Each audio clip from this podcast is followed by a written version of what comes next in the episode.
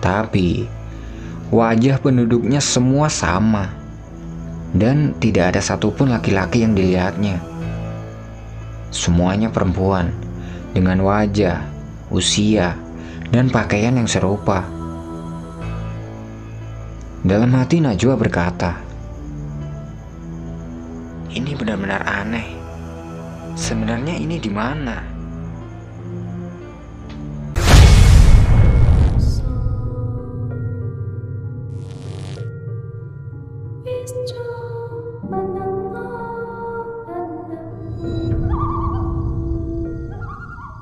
Halo teman-teman.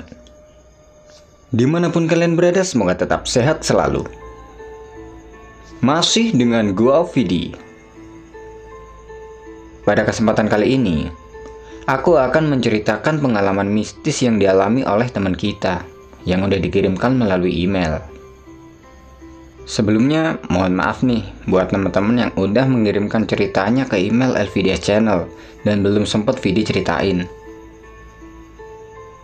Dan untuk cerita mistis kali ini dikirim oleh Najwa dari Jakarta. Jadi, waktu itu Najwa dan empat rekannya sedang merayakan pergantian tahun baru 2018 di TNBTS yaitu Taman Nasional Bromo Tengger Semeru.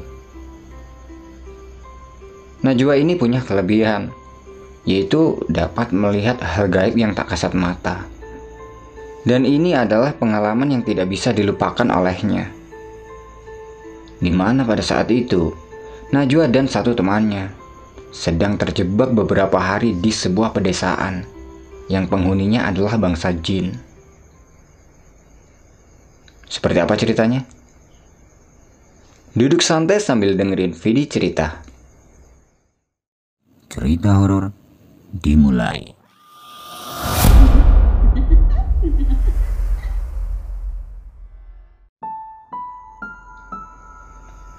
Sesuai wacana yang sebelumnya mereka buat, bahwa mereka berniat untuk menginjakan kaki di puncak Mahameru, tanah tertinggi Jawa. Di sini, Najwa mempunyai kemampuan khusus dalam hal spiritual yang teman-temannya tidak punya, yaitu dapat melihat makhluk yang tak kasat mata. Menyadari kelebihannya itu, sebenarnya Najwa ragu untuk mendaki ke Semeru yang terkenal dengan sejuta mitosnya. Tapi, karena teman-temannya yang mengasutnya dalam satu ekspektasi tentang indahnya puncak tertinggi yang kelak akan mereka daki. Akhirnya, oke okay lah, mereka semua sepakat untuk mendukung wacana itu.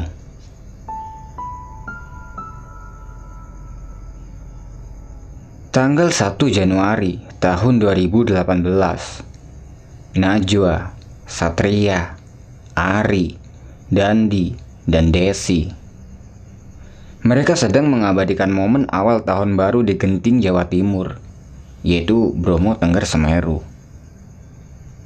Oh iya, Satria adalah pacarnya Najwa. Jadi, setelah dari Bromo itu, mereka langsung gas menuju ke Gunung Semeru. Kurang lebih seperti itu kalau menurut cerita yang dituliskan oleh narasumber.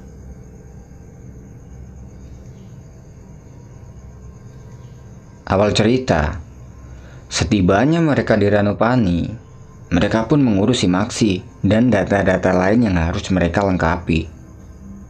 Setelah itu, barulah mereka diperbolehkan untuk start trekking. Dalam perjalanan mendaki, mereka tidak ada gangguan sama sekali. Walaupun sering kali Najwa melihat mereka selaku leluhur gunung tersebut. Tapi tidak masalah selagi tidak mengganggu satu sama lain.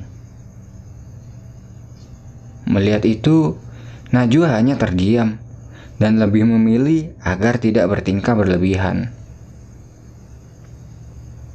Melihat sikapnya Najwa yang seperti itu, teman-temannya pun sudah tidak heran.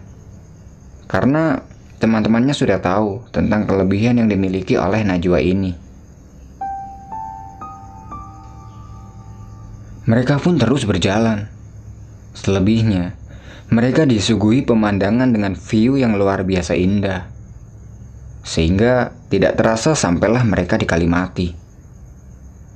Sesampai di situ, mereka pun mendirikan tenda untuk ngecamp dan menunggu nanti malam untuk summit ke puncak Mahameru.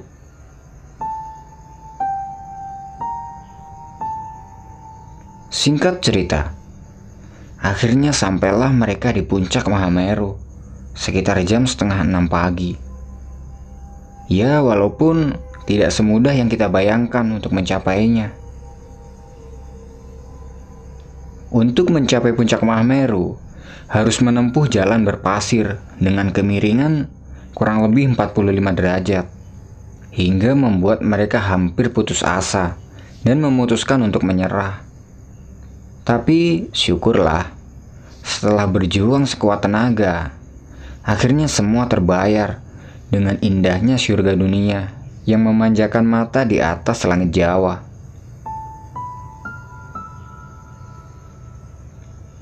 Setelah kurang lebih satu jam mereka berada di puncak, mereka pun memutuskan untuk turun ke Kalimati. Sesampainya di Kalimati, masih belum ada keanehan. Mereka pun istirahat untuk melepas lelah setelah perjalanan ke puncak tadi. Setelah dirasa tenaga sudah kembali fit, mereka lalu berkemas dan berjalan turun.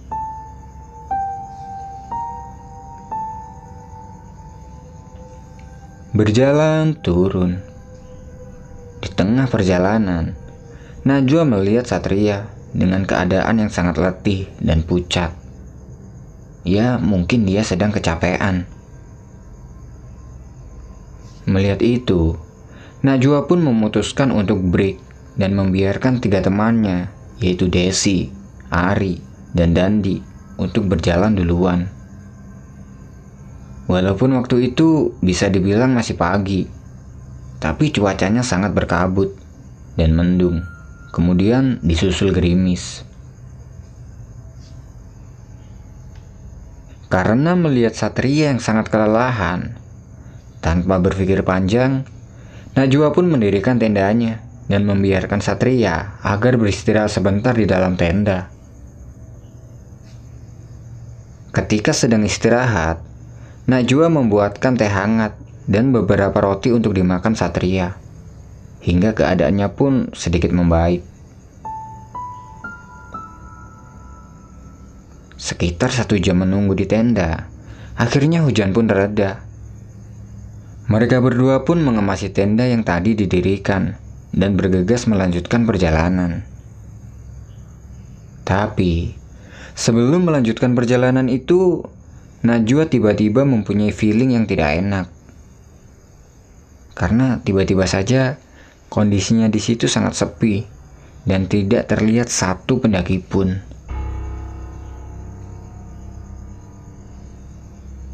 Dengan perasaan sedikit takut, Najwa mengajak Satria untuk melanjutkan perjalanan. Lanjut berjalan.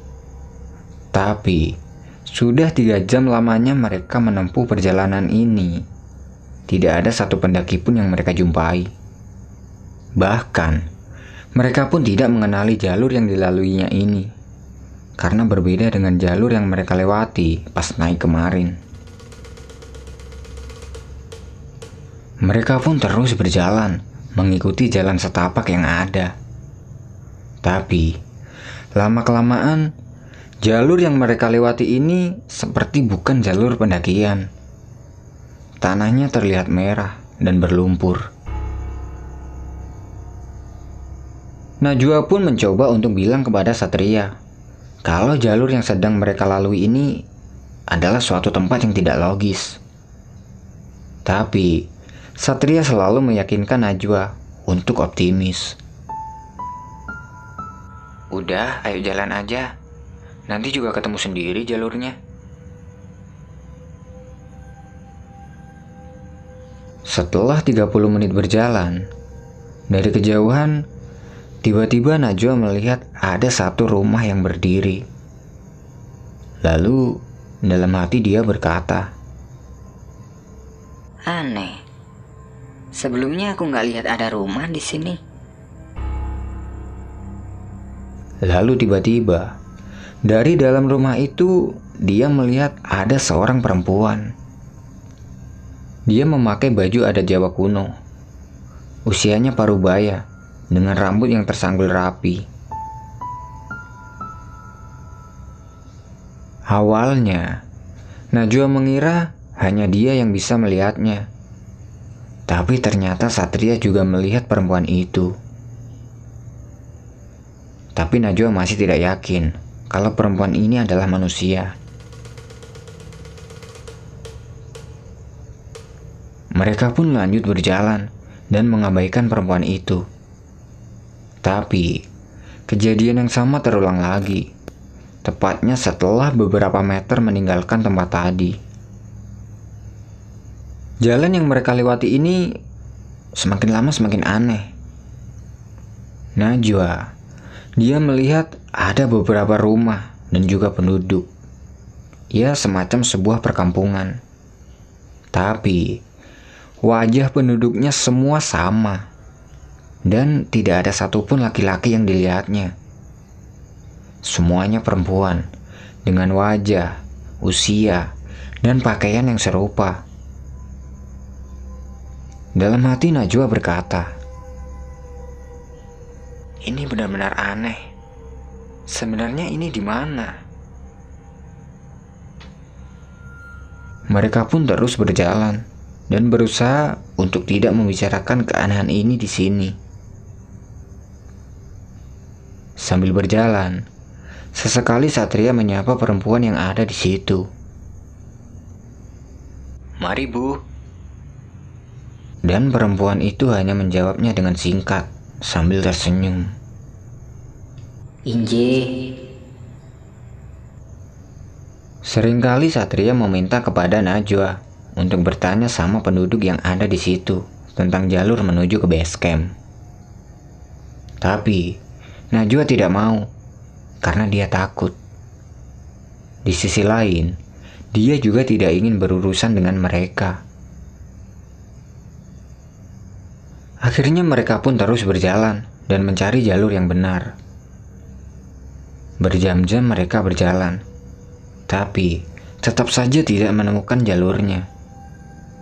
Hingga akhirnya mereka menjumpai sebuah perkampungan lagi dengan orang yang sama, pakaian yang sama, juga rumah yang sama dengan kampung yang mereka temui sebelumnya, dan begitu seterusnya. Karena lelah, mereka memutuskan untuk istirahat dan mendirikan tenda di sebidang tanah di dalam hutan. Setelah istirahat, Najwa coba mengoreksi diri. Kesalahan apa yang dilakukan sehingga dia bisa dibawa ke tempat seperti ini? Melihat keadaan ini, Najwa hanya bisa menangis karena dia tidak tahu lagi apa yang harus dilakukan selain berdiam diri di dalam tenda. Satria selalu berusaha menenangkan Najwa dengan mengajaknya berzikir dan berdoa agar diberinya petunjuk. Hingga tidak terasa, hari sudah mulai petang.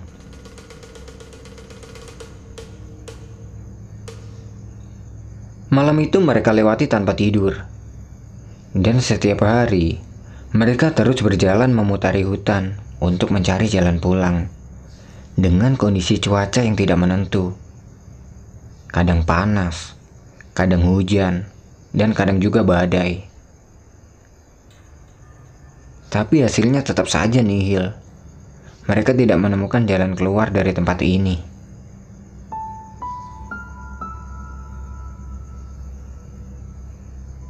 Karena berhari-hari di hutan itu, persediaan makanan pun sudah mulai menipis. Satria berinisiatif untuk membunuh hewan-hewan hutan seperti babi hutan dan memanfaatkan buah-buahan dari pohon liar untuk mereka bertahan hidup. Beruntungnya, di hutan itu terdapat sebuah sungai kecil yang bisa mereka manfaatkan untuk minum. Di hari ketiga, mereka tetap melakukan hal yang sama, yaitu mencari jalan pulang, bertemu perkampungan, bertemu mereka yang aneh itu, mencari makanan, dan berdoa. Sampai suatu ketika, Satria bertemu dengan satu burung hitam. Entah itu burung jalak atau burung gagak, mereka tidak tahu. Burung itu terlihat aneh dan berhasil mengalihkan perhatian mereka.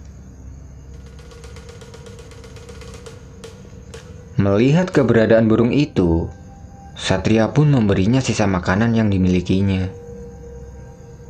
Dan setelah Satria memberinya makanan, burung itu berjalan dan sesekali terbang pendek ke arah utara. Niat mereka hanya sebatas mengejar burung itu. Tapi, setelah berjalan beberapa meter, seakan Burung itu menghipnotis mereka berdua agar mengikutinya.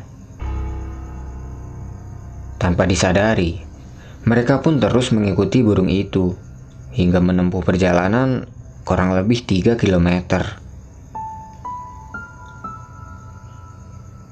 Setelah perjalanan panjang yang ditempuhnya itu, ternyata tidak mereka duga Najwa dan Satria bertemu dengan beberapa pendaki yang sedang turun. Melihat itu, perasaan mereka sangat lega. Dalam hati mereka berkata, "Ya Allah, aku bisa pulang." Dan ini benar-benar aneh, tapi terasa sangat nyata. Ini ajaib. Rasa syukur pun tidak lupa diaturkan kepada Tuhan. Lalu, mereka kembali berjalan mengikuti pendaki lain hingga sampailah mereka di pos 3 jalur pendakian Gunung Semeru. Nah, di pos 3 ini, mereka melihat teman-temannya sedang duduk santai, menunggu kedatangan mereka berdua. Seakan-akan Teman-temannya itu tidak merasa kehilangan sama sekali. Sesampainya Najwa dan Satria di situ, teman-temannya malah bilang, "Lama banget kalian turunnya. Tiga jam nih kita nunggu di sini." Dengan heran, Najwa menjawab, "Hah? Tiga jam? Serius?" Iya, kalian ngapain aja sih lama amat? Mendengar pernyataan dari teman-temannya itu, spontan Najwa dan Satria saling menatap dengan penuh tanda tanya. Dalam hati Najwa berkata, Di sana aku memakan waktu tiga hari, mulai dari kelaparan, kehujanan, kepanasan, dan kebingungan tapi mereka merasakannya cuma tiga jam. Mereka pun tidak membahas soal ini di sini. Yang penting saat ini, mereka sudah berkumpul dengan rombongannya. Beberapa menit kemudian, mereka pun berjalan turun dan kembali pulang ke Jakarta dengan selamat. Singkat cerita, setelah di rumah, Najwa dan Satria cerita ke teman-temannya tentang apa yang dialami selama di Gunung Semeru waktu itu. Dan teman-temannya sedikit tidak percaya mendengarnya. Percaya tidak percaya itu kembali lagi kepada mereka dan kalian yang telah mendengarkan cerita ini. Yang jelas, ini adalah pengalaman yang gak bisa dilupakan oleh Najwa sepanjang hidup.